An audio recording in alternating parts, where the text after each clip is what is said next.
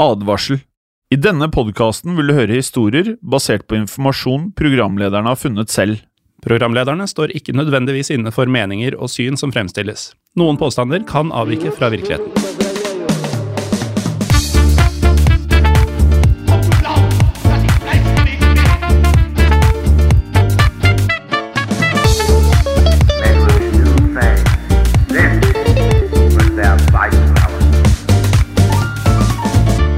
Velkommen til historiepodden andre verdenskrig, WW2, AVK og hva du nå enn velger å kalle det. Jeg er Morten Galaasen, og her i studio har jeg som vanlig med meg Jim Fosheim. Hallo. Hallo. Det var uh, eh, hei på tysk. Ja, for det blir ganske tysk i dag. Ja, det blir ganske tyskt. Det, det blir ofte tyskt. Ja, det, Tyskerne er ganske relevante i andre verdenskrigshistorien, har vi Ja. funnet ut gjennom eh, en god del episoder nå. Ja, det har vi funnet ut, og vi kan nå offisielt meddele med historie på den andre verdenskrig-lytterne våre at jakten på eh, hvordan man skal si historie på den andre verdenskrig og skrive det, inntil videre er satt på pause. Ja. For vi har ennå ikke fått noen forslag som er banebrytende på noen som helst måte, og de aller fleste syns egentlig det funker greit sånn som det er nå. Så kanskje, kanskje vi bare liksom skal eie det. Ja, um, Inntil videre, i hvert fall. De aller eh, holdt på å si, sterkeste tilbakemeldingene har jo kommet fra folk som driver med litt av det samme som jeg driver med, eh, nemlig lærere rundt om i landet. Aha. Som da syns at eh, AVK burde være det vi bruker i stedet for WW2. For sånn gjør man det i skolen, Ja. Eh, og det som skjer i skolen, er jo fakta. Ja, det det? Eh, men vi forholder oss fortsatt til WW2. Litt fordi vi liker det, og i mitt tilfelle litt grann på trass. Apropos dette med skolen, jeg husker i hvert fall en av de tingene som var viktig for meg når vi startet vanlig historiepodden, altså ikke historiepodden andre verdenskrig, men den andre podkasten vi har, vanlig historiepodden, det var nettopp alle de historiene som man ikke lærte på skolen. Og mange av de tingene man lærte om på skolen, i hvert fall syntes jeg, når jeg leste om det i ettertid, var svært snevret inn og begrenset og fulgte et eller annet pensum. Ja, og gjerne da veldig sånn faktaorientert. Ja. Eh, ikke nødvendigvis fokus på nøyaktig hva som skjedde, men bare at det hadde skjedd, på en måte. Ja, Mens andre historier, som eksempel eh, en vikingkonge, kunne man ha om i fire til seks uker med pensumperiode på skolen, som av og til føltes eh, noe mm, utdratt. Ja, det kunne det være. Ja. Så noe av formålet med disse historiepoddene våre, enten det er historiepodden eller denne, historiepodden andre verdenskrig, er jo å um, fortelle historiene på en litt annen måte enn de kanskje står i lærebøkene. Helt riktig. Og jeg kan jo nå eh, opplyse om at eh, vi er farlig nær 400 ratinger på historiepodden andre verdenskrig på iTunes, så vi ligger på 4,7 i snitt i stjerner. Eh, og med det så syns jeg vi, vi Det er bare sånn vi som regel på slutten av podkasten sier takk til folk. Nå syns jeg vi kan starte med å takke lytterne våre for eh, ekstremt bra tilbakemeldinger. For at dere hører på podkasten, for historien på den andre verdenskrig har vokst veldig, veldig, veldig fort. Ja. Eh, og jeg kan egentlig ikke huske at vi har fått noen særlig negative tilbakemeldinger som er i gåstein saklige. Eh, ja. Uh, er ikke du happy?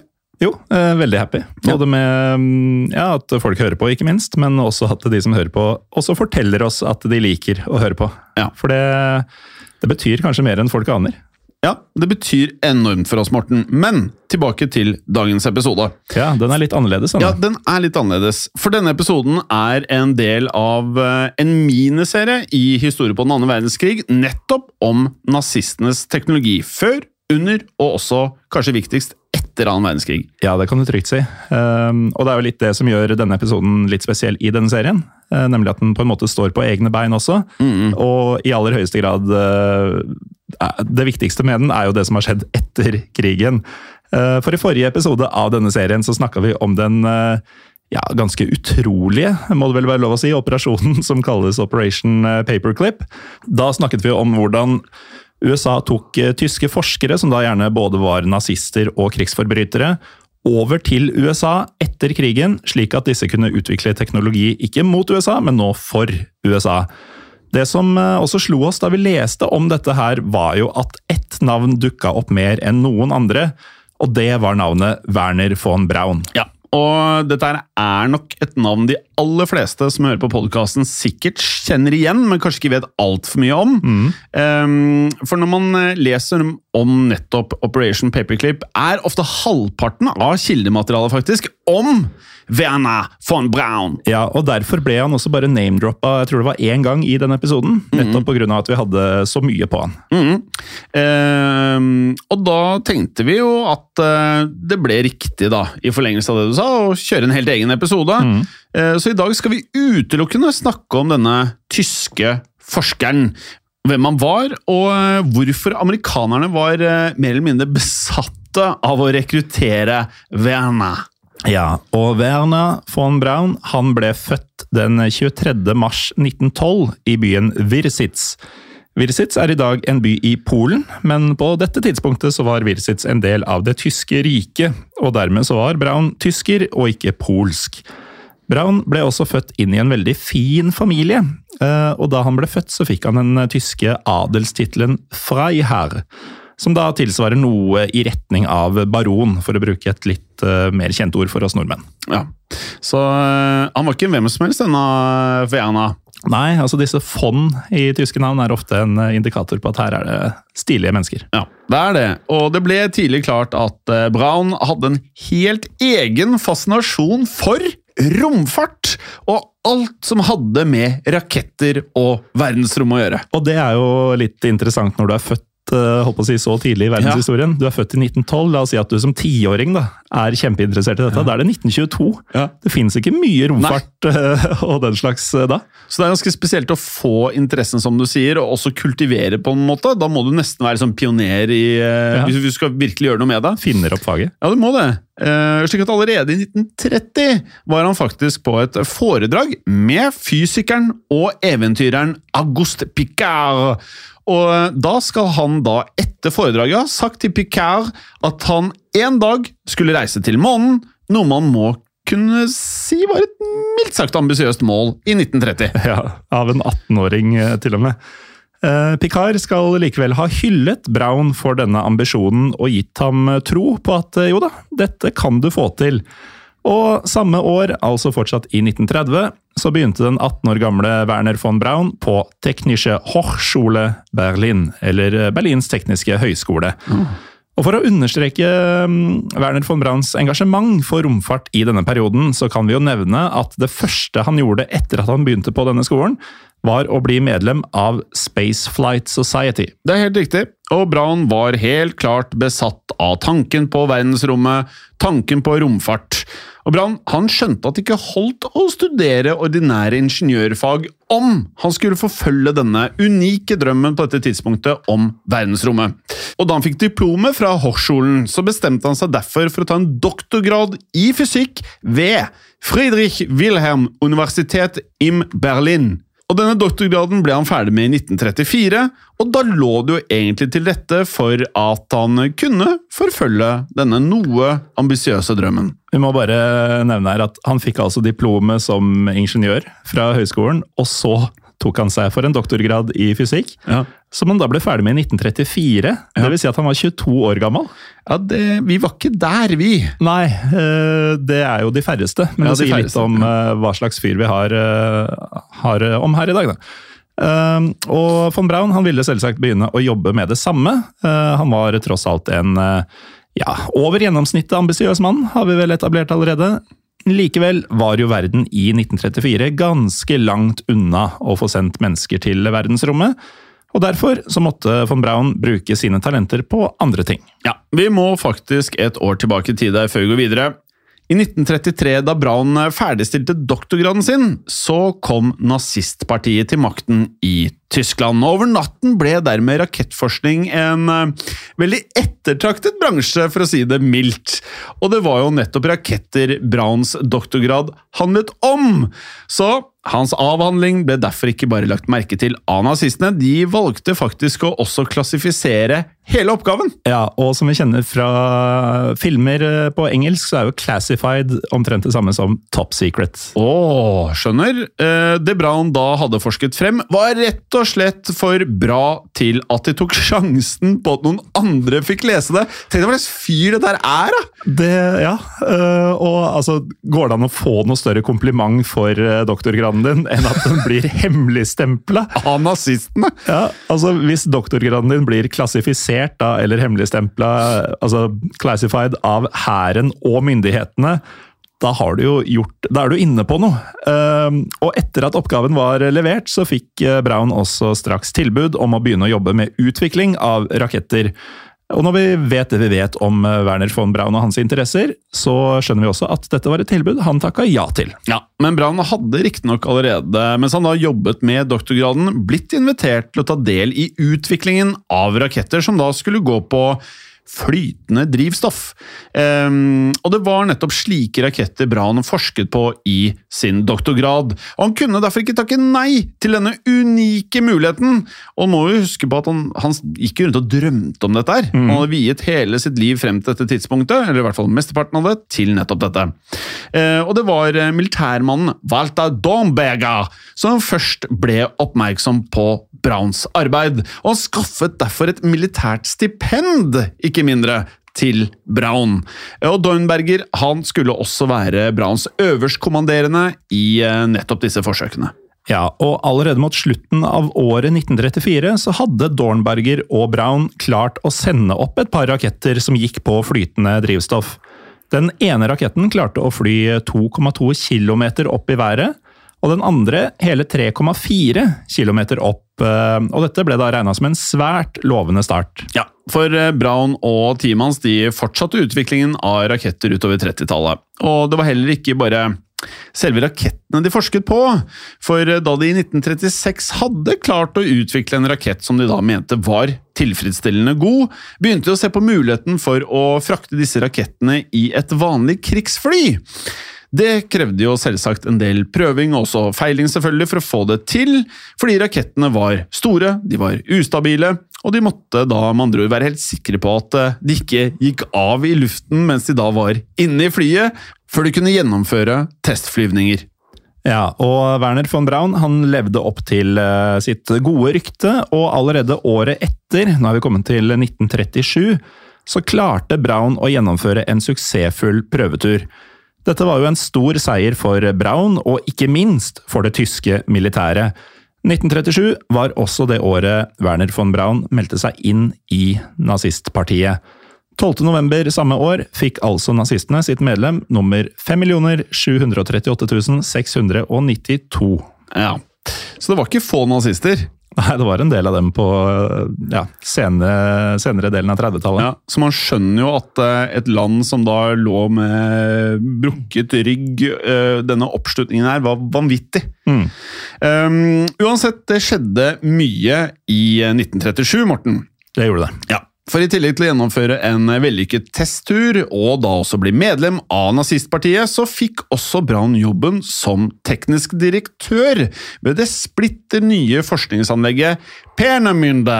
Og dette var jo selvsagt drømmejobben til denne ambisiøse, nå Morten, 25 år gamle Ferna von Braun. Altså, jeg kan bare tenke meg der jeg var som 25-åring. Ja. Eh, Jeg er jo ikke noe særlig lenger nå som 37-åring, og det sier ikke det, det taler ikke positivt for den 37 år gamle versjonen av meg. Da jeg var 25 år, så ville jeg ikke kunne bli teknisk direktør for noe som helst. Nei. Så um, uansett så var det sånn at uh, han hadde på dette tidspunktet veldig lite, som man da skjønner, å utsette på sin egen tilværelse, denne von Braun. Ja, og um, selv om Braun vokste opp i en uh, veldig konservativ familie, altså vi nevnte jo at uh, han var baron, uh, så man skjønner jo at dette var uh, antagelig ivrige medlemmer av ytre høyre i politikken, så hadde aldri Braun selv fattet noen interesse for politikk. Han hadde tidligere ikke vært så opptatt av nazismens ideologi eller antisemittisme, så da han ble teknisk direktør for Penemunde og fikk ubegrensede midler til utvikling av raketter, da ble han imidlertid mer positivt innstilt til dette regimet. Han ble det, og de neste årene så jobbet Braun iherdig med utviklingen av langdistanseraketter for eh, det tyske kommende imperiet. Mm. Og dette arbeidet gikk ganske så bra, og Adolf Hitler han, altså selveste Hitler, var godt fornøyd med Werner von Braun og teamet han hadde satt sammen. Og dette førte da til at Braun i 1940 fikk en personlig invitasjon fra Heinrich Himmler om å bli medlem i Schutzstaffel. SS. Ja, SS. Og Braun han var overrasket over å bli invitert til Schutzstaffel, eh, og visste ikke helt hva han skulle foreta seg. han. Så han rådførte seg derfor med sin militære rådgiver, nettopp Domberger. Ja, og Dornberger han mente at det ville skade rakettprogrammet om Braun skulle finne på å takke nei til denne invitasjonen. Og Braun, som stolte veldig på Dornberger, han valgte derfor å takke ja til å bli medlem i SS. Han skal eh, heller ikke ha sett noen store problemer med et slikt eh, medlemskap. Nei. Så den eh, siste tiden hadde Braun brukt all sin tid på Peenemünde til å utvikle langdistanseraketten som de da kalte V2, som vi har pratet om vel både i vanlig historiepodden og i historiepodden andre verdenskrig. Ja, det går igjen. Det er, um, det er bare å høre egentlig på begge, tror jeg. Ja. Um, For utviklingen av denne V2-raketten ble sett på som svært viktig, og noe som igjen gjorde Braun til en av Tysklands eh, viktigste menn på denne tiden. Og det sier ikke rent lite. Nei, det var mange, Man kan si mye om Nazi-Tyskland på tidlig 40-tall, men det var mange viktige menn. Mye viktige folk, og han var en av de viktigste i hele imperiet. Og etter flere år med knallhardt arbeid, så kunne også Braun i oktober 1942 endelig medgi at de hadde gjennomført sin første vellykkede prøvesprengning av V2-raketten. Og det var selvsagt eh, musikk i ørene til Hitler, og han beordret at de straks skulle begynne å masseprodusere V2. Og hva som skjedde deretter, det tror jeg vi skal se på etter en liten pause. Velkommen tilbake til historiepodden andre verdenskrig og denne episoden om Werner von Braun. Før pausen så hadde Hitler akkurat gitt ordre om at Braun skulle begynne å masseprodusere langdistanseraketten V2. Økonomisk så lå alt til rette for en slik masseproduksjon hjem, men de hadde likevel ett problem, og det var arbeidskraft. Ja, som det som oftest er når man skal bygge store imperier. Mm. For nesten alle de tyske mennene var jo sendt til østfronten for å kjempe i kampene mot Sovjetunionen. Og dette gjorde at det rett og slett ikke var så veldig mange igjen til å jobbe på fabrikkene. Så Man skjønner jo etter hvert hvor dette bærer. man skjønner hvor dette bærer, Morten. For løsningen ble eh, lite overraskende eh, å bruke arbeidskraft fra konsentrasjonsleirene. De flyttet da altså fanger fra konsentrasjonsleirene over til Peenemünde-fabrikken, og begynte da masseproduksjonen av V2-raketten. Og dette arbeidet begynte veldig bra, eh, men så skjedde det noe som ble en ganske stor strek i regninga. I 1943 ble nemlig Penemunde-anlegget utsatt for et massivt bombeangrep fra britene. Og dette satte produksjonen fullstendig ut av spill. Det førte igjen til at Hitler og Himmler bestemte seg for å flytte brorparten av V2-produksjonen til et nytt underjordisk fabrikkanlegg. Ja, og etter eh, bombeangrepet så bygde tyskerne det underjordiske anlegget Mittelwerk. Og som vi da husker fra en tidligere episode i eh, samme serie, så var ikke forholdene på Mittelverk spesielt gode for arbeiderne. For flere tusen mennesker mistet da livet på fabrikken pga. svært dårlige arbeidsforhold. Og dette regnes faktisk den dag i dag som en stor ripe i lakken på Werner von Brauns eh, ettermæle. For eh, selv om Braun selv ikke var med på å bestemme at man skulle bruke det som rett og slett var slaver i produksjonen av V2, så var han likevel fullstendig klar over at det ble gjort. Og om det var av frykt for å bli offer for regimet selv, eller at han ikke sympatiserte med disse arbeiderne, det er vanskelig for oss å vite. Det er vanskelig, men uansett så var det Brauns oppgave å fortelle arbeiderne hvordan de faktisk skulle jobbe. Braun møtte likevel motstand i den jobben. For selv om Braun uten tvil var en av naziregimets aller, aller viktigste forskere, om den ikke aller viktigste, klarte de likevel ikke å stole blindt på Braun. Så allerede i 1943 så begynte SD Sikkerhetsdienst. Helt riktig, som da var eh, etterretningsavdelingen til Schutzstaffel. SS. Ja, og de begynte da rett og slett eh, ren eh, spionasje på Braun og det han holdt på med. Ja, for eh, siden Braun var så viktig som han var for utviklinga av eh, V2, så ville de rett og slett eh, vite akkurat hvor de hadde Braun. En kvinnelig spion som utga seg for å være tannlege, skal ha overhørt Werner von Braun og kollegaene hans snakke om krigen og hvordan de syntes den gikk. I denne samtalen så skal Braun ha sagt at han mente Tyskland lå dårlig an, og at det var mulig at de derfor kom til å tape krigen. Ja, Og hvordan tror vi at eh, andre nazister syns dette var? Nei, det høres ikke ut som propaganda for deres eh, sak. Nei. Dette er ikke noe disse nazigærningene likte. Ehm, For nazitoppene, de, og spesielt da Himmler, han reagerte voldsomt på denne særs defensive holdningen som han mente at Braun hadde. Jeg tenk at vi ikke skal være uslåelige, liksom. Det er uhørt. Mm, og dette var en viktig eh, del av kulturen, at eh, uansett om det gikk bra eller dårlig, man skulle jo alltid fremstå som de eh, var i front, og at de så ut til å vinne. For Braun hadde i utgangspunktet vært en av eh, Himmlers yndlinger, eh, men nå endret dette synet på Braun og Himmler, og som straff for disse holdningene så satte Himmler ut et uh, falsk rykte om Braun og kollegaene hans. Og vi har jo tidligere episoder av Historie på den andre verdenskrig så har vi pratet om hva slags gjeng dette her var, den der naziledergjengen. Det er, det er vold... Det er, det er, Det er ganske spesielt. lunefulle, de eh, vennskapsforholdene som også står der. Ja, Kan fort gå gærent. ja, og så er det voldsomt barnslige ting. Eh, man setter ut et rykte. Ja, og det ryktet her er jo så eh, vilt. Ja, det er ganske vilt. For det Heinrich Himmler valgte å sette ut som rykte, var at Braun sympatiserte med kommunismen, og at Braun aktivt saboterte produksjonen av V2-rakettene. Ja, og det skjønner vi jo veldig godt at han ikke gjorde. Ja, Ren og skjær løgn fra Himmler. Ja, eh, Det er rett og slett Himmler som saboterer Braun ved å si at Braun saboterer produksjonen. Og vi har jo hørt i mange episoder at disse nazistene saboterer for hverandre hele tiden. Ja, Det har skjedd Og det kan skje igjen i samme serie. i samme serie. Disse ryktene i hvert fall da, om at Brown faktisk eh, ja, både var kommunist og saboterte produksjonen av V2-rakettene, de nådde også fram til Hitler, som da bestemte seg for at eh, von Braun måtte tas av programmet um, og bli arrestert. Så den 14. mars 1944 så banka dermed Gestapo på døra til Braun og arresterte han på stedet.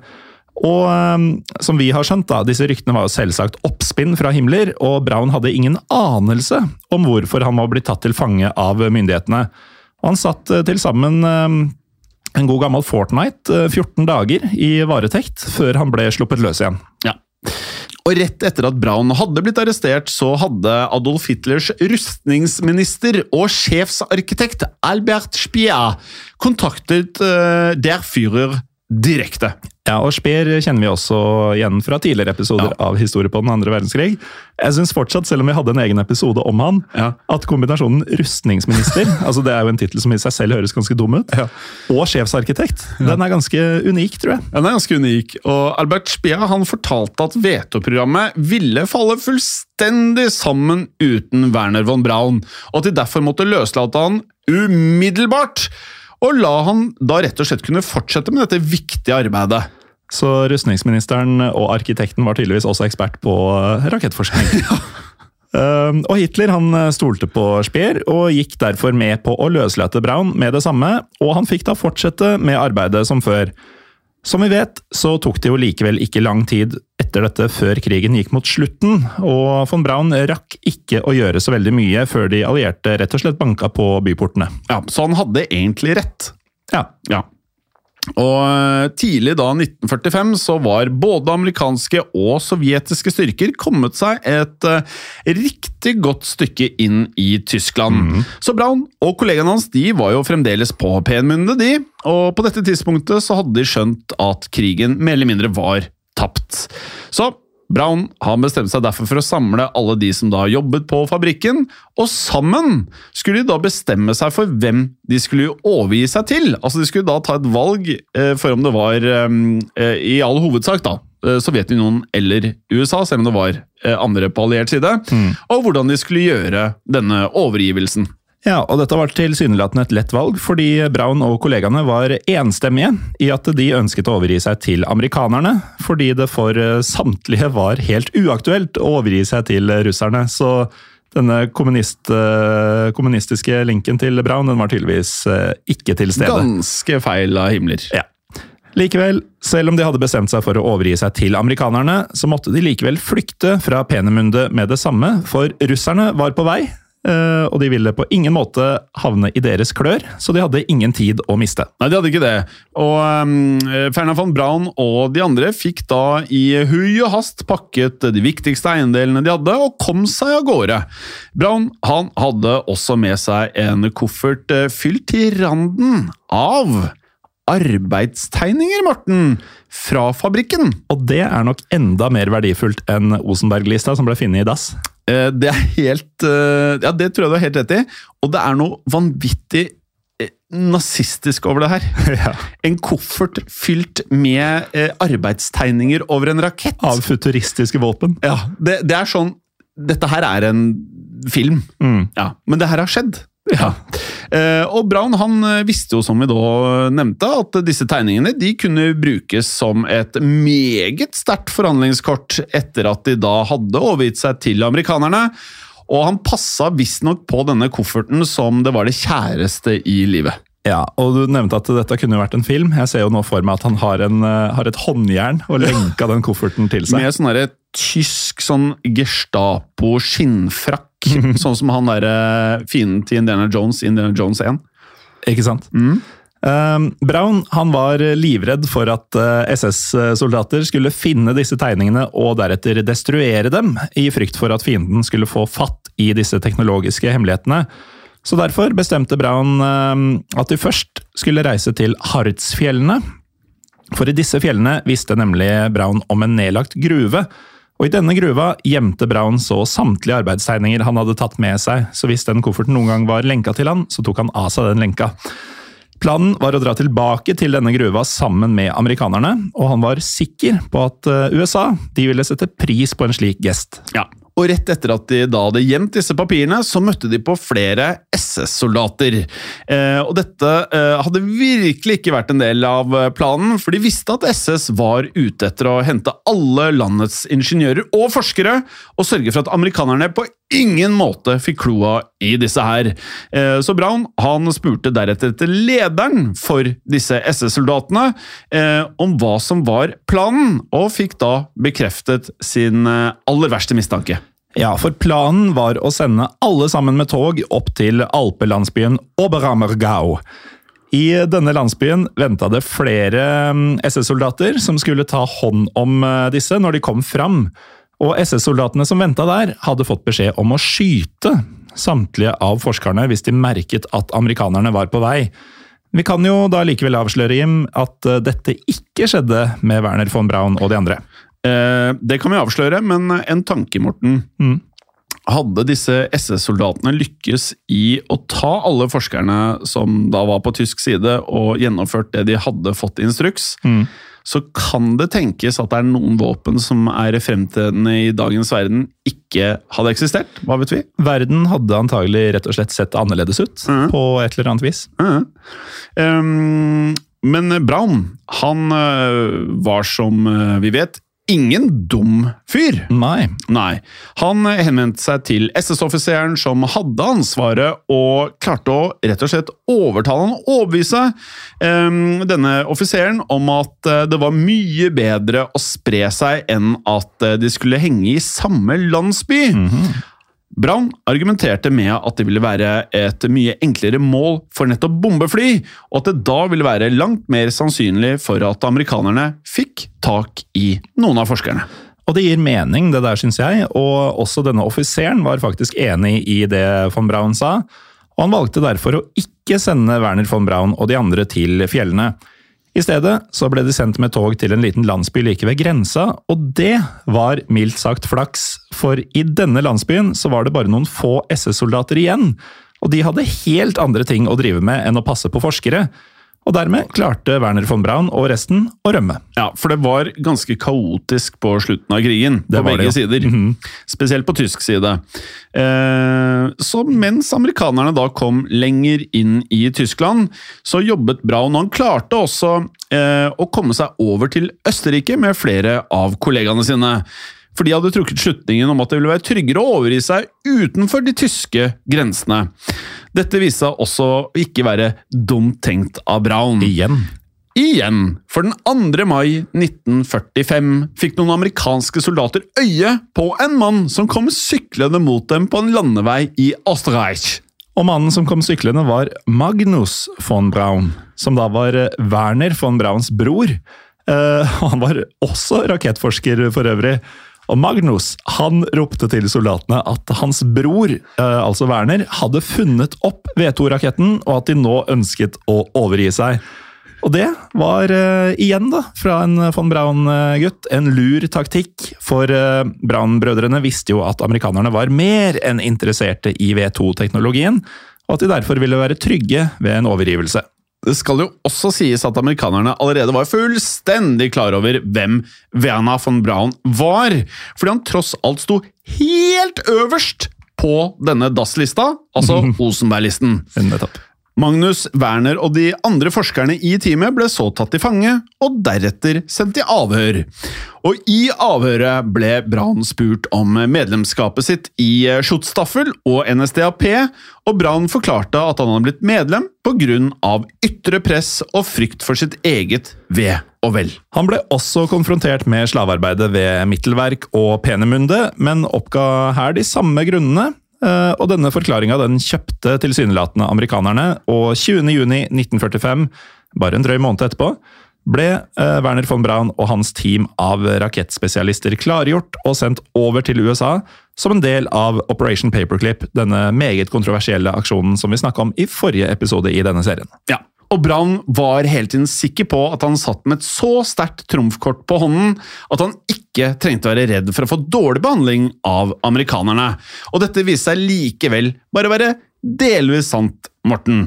For en stund etter at de var ankommet til USA, ble Brown og resten av forskerne sendt til eh, sitt nye hjem på militærbasen Fort Bliss, som lå like utenfor El Paso. Ja, for det var ikke mye bliss uh, i, i disse omgivelsene. Det var ikke det. Braun hadde mer eller mindre forventa å bli tatt imot som en helt, men i stedet så var velkomsten ganske så laber. Uh, Werner von Braun og de andre forskerne de måtte klare seg under veldig enkle kår, og ingen av dem nøt den respekten de hadde hatt mens de var på Penemunde. kan legge til at uh, du har uh, vært nazist. En del av shotstaffel. Du har funnet opp eh, en eh, rakett som har drept masse engelskmenn. Bomba London. Og så er du gira på å bli tatt imot som en helt Ja. hos de allierte. Det er jo en variant. Ja, det er jo det. Mm. Da har du relativt høye tanker om deg selv. Da. Ja. Eh, Nå skulle det vise seg at de høye tankene hans var jo ganske riktige, men eh, det er nok litt tidlig å få heltestatus helt ennå. Og en av de tingene som han syntes var vanskelig å takle på Fort Bliss, var at eh, det f.eks. ikke var noen som kalte Werner von Braun herr professor. Herr professor. Nei, det var, det var ille, syns han. Respektløst. Ja. Så det her vitner jo litt om hvordan han var ansett og ble behandlet tidligere, da. Var godt vant. Godt vant. Amerikanerne de var eh, de var ikke veldig interessert i å høre på noen av eh, Browns nye rakettideer, og ga han heller ikke mer midler enn det som var strengt tatt nødvendig. Noe som var uhyre vanskelig å svelge for von Braun, for han var jo først og fremst en forsker. Han elsket å utvikle teknologier, og som vi da har eh, stadfestet ved flere anledninger, dette med raketter, det var det han brant for. Og han følte nå rett og slett at han, eh, han gikk rundt med en tvangstrøye. Ja, og den eh, tvangstrøya ble også strammere og strammere, for i tillegg til at eh, de måtte bo på disse små brakkene uten spesielt mye lys, eh, ikke noe særlig luft, så begynte det også å komme en del kritikk fra samfunnet. Og årsaken til at denne kritikken kom, er litt spesiell, for årsaken var nemlig et intervju som ble gjort av en av Browns forskere i desember 1946. I dette intervjuet så fortalte denne forskeren at levestandarden på Fort Bliss var dårlig, og fokuserte spesielt på den dårlige maten de ble servert. Ja, og dette resulterte da i følgende overskrift. German scientist says American cooking tasteless. Dislike rubberized chicken. Problemet med denne artikkelen Morten, var likevel ikke overskriften, men at den avslørte at det fantes tyske forskere på en amerikansk militærbase. Noe som skapte voldsomt oppstyr. Det gjorde det, men eh, Werner von Braun, oppi all denne rubberiserte kyllingen og eh, oppstyret, han holdt motet oppe og gjorde det han var henta til USA for å gjøre. Eh, Hans hovedoppgave besto i å lære opp det amerikanske militæret i bruken av V2-raketten, og i tillegg forklare dem hvordan den fungerte rent teknisk. Av Brown ble derfor USA plutselig verdensledende på langdistansevåpen, og det uten å ha gjort noe særlig forskning på det selv. Ja, og dette her er veldig, veldig, veldig veldig viktig. En viktig del av historien, og noe som veldig mange ikke er klar over. Så dette er en ekstremt viktig episode. Og Brown, som vi da eh, nevnte, han bodde jo på Fort Bliss, og det gjorde han helt frem til 1950. For dette året så ble han flyttet til et nytt anlegg i Huntsville, Alabama. Og I Alabama så begynte Brown å jobbe på Redstone Arsenal, og i løpet av perioden 1952 til 1956 var han her med på å utvikle USAs aller første ballistiske missil, som da het Redstone Rocket. Og det høres ut som rett ut av noen sånne TV-spillsaker. Det gjør det jo, og den respekten han hadde savna de første årene i USA, den var på vei til å komme. Ja. Og det jeg tenkte kunne være litt greit her, eh, Morten, fordi at ordet ballistisk og missil er eh, litt viktig her. Så Ja, og vi, vi prøvde jo å finne en måte å si dette med våre egne ord på, Ja. men det var ikke så lett. det var ikke så lett. Så her er det det store norske leksikon sier. Ballistisk missil, tidligere ofte kalt ballistisk rakett, er et våpen der en sprengladning tilbakelegger en vesentlig del av strekningen fra utskytning til målområdet i en ballistisk bane, dvs. Si en bane som etter bruk av fremtidsrakettmotoren ligger i ytterkant eller over atmosfæren, og således kun påvirkes av gravitasjonskraften. Og så legger de jo også til her at det ofte er slik at eh, et ballistisk våpen bærer med seg et atomstridshode. Og Hvis man går tilbake til episoden vår om V1 og V2-rakettene, så skjønner man jo at dette er et rimelig stort eh, framskritt, -hmm. men at det er basert på de samme prinsippene. Ja, og dette her, det at man hadde eh, kommet til dette punktet her, altså denne raketten ble da altså sett på som en stor, stor seier for USA, og på grunn av suksessen ble Brown da gitt stillingen som, og hold dere fast, han, altså denne tidligere nazisten og SS-medlemmet, ble nå gitt stillingen som teknisk direktør for US Army Ballistic Weapon Program. Ja, så Den tidligere fienden har, nå, har da fått en direktørstilling i eh, en viktig del av selveste US Army. Det sier jo litt. Og Som direktør så utvikla Brown en rekke forskjellige raketter og satellitter, bl.a. Jupiter C, en videreutvikling av Redstone-raketten og satellitten Explorer 1. Og denne Jupiter C fraktet faktisk også Explorer 1 ut i verdensrommet den 31. januar 1958. Det er en viktig dato. Fordi Ja, dette her er en sykt viktig dato. Nå skal vi gi dere tre sekunder til å bare tenke dere frem til hva som skjedde. Mm. Eller det har vi jo sagt, men eh, Det jo sagt. hvorfor det var så viktig? ja. En, to, tre. Morten? 31.1.1958 regnes da som starten på USAs romfartsprogram. Ja. Så da er det eh, faktisk så vanvittig at det er tidligere nazisten og SS-offiseren von Braun som står i spissen for dette, noe veldig mange absolutt ikke er klar over. Nei, og mange vil kanskje ikke vite det heller. Nei. Eh, Det er sånn man kanskje ikke har med i alle lærebøker. Mm. Og man skulle av den grunn kanskje tro at eh, denne perioden var en bra periode for eh, von Braun, men det var faktisk en del faktorer som gjorde at han absolutt ikke var fornøyd med tilværelsen. For det første ledet Sovjet klart an i romkappløpet, og de utviklet også forskjellige raketter i en rasende fart, og hadde også begynt på dette Sputnik-programmet. Så von Braun han irriterte seg grønn over dette. Eh, han mente nemlig at grunnen til at russerne ledet ene og alene, var at han rett og slett ikke hadde fått nok tilgang på midler. Han mente også at han ikke hadde frie nok tøyler. Nei, og det var nok også til dels uh, sant. Um, selv om Werner von Braun hadde gjort underverker for dem, så var eh, USA fremdeles ikke interesserte i hans mest nyskapende ideer.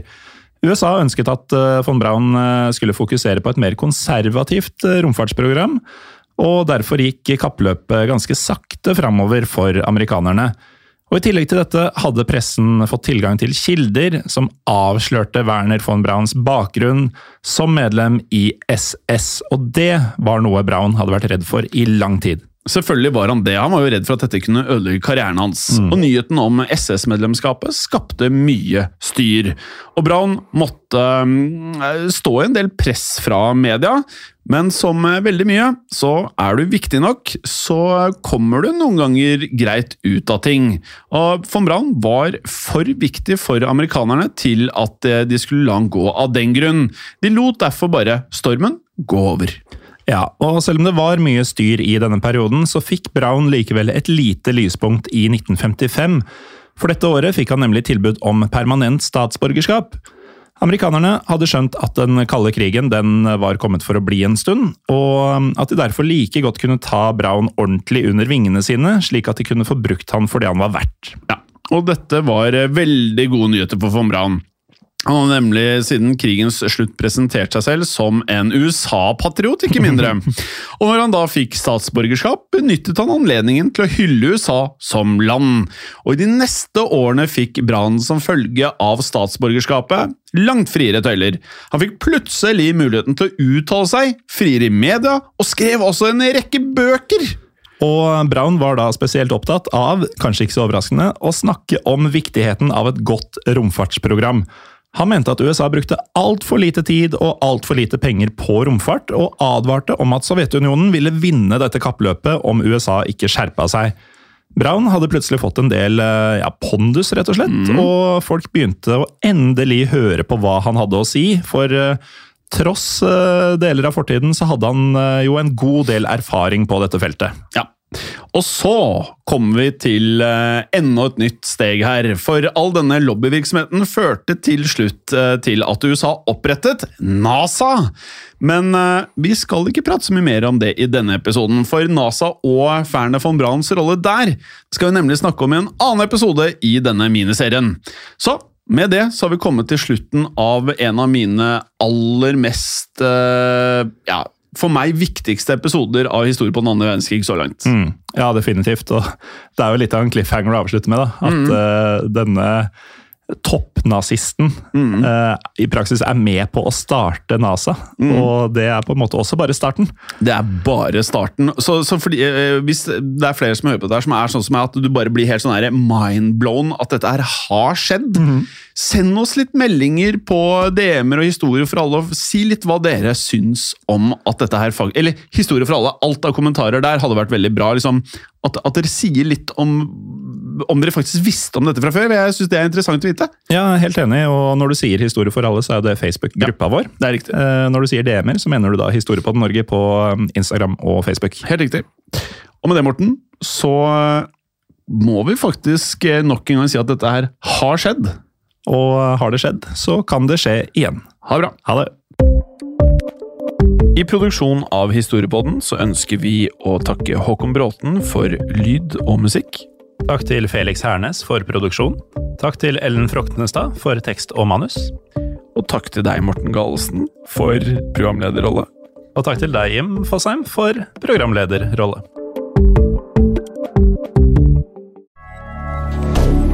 Moderne media. Kiwi er billigst i VGs matbørs og har vært billigst i fire av de fem siste VGs matbørser. Og nå presser vi prisene på frukt og grønnsaker. På 200 gram broccolini setter vi prisen til 24,90. På 400 gram Cevita blåbær setter vi prisen til 49,90. Og husk, alle Kiwi Pluss-kunder får i tillegg 15% trumfbonus på all fersk frukt og grønt. For det er vi som er prispresserne. Og vi i Kiwi gir oss aldri på pris.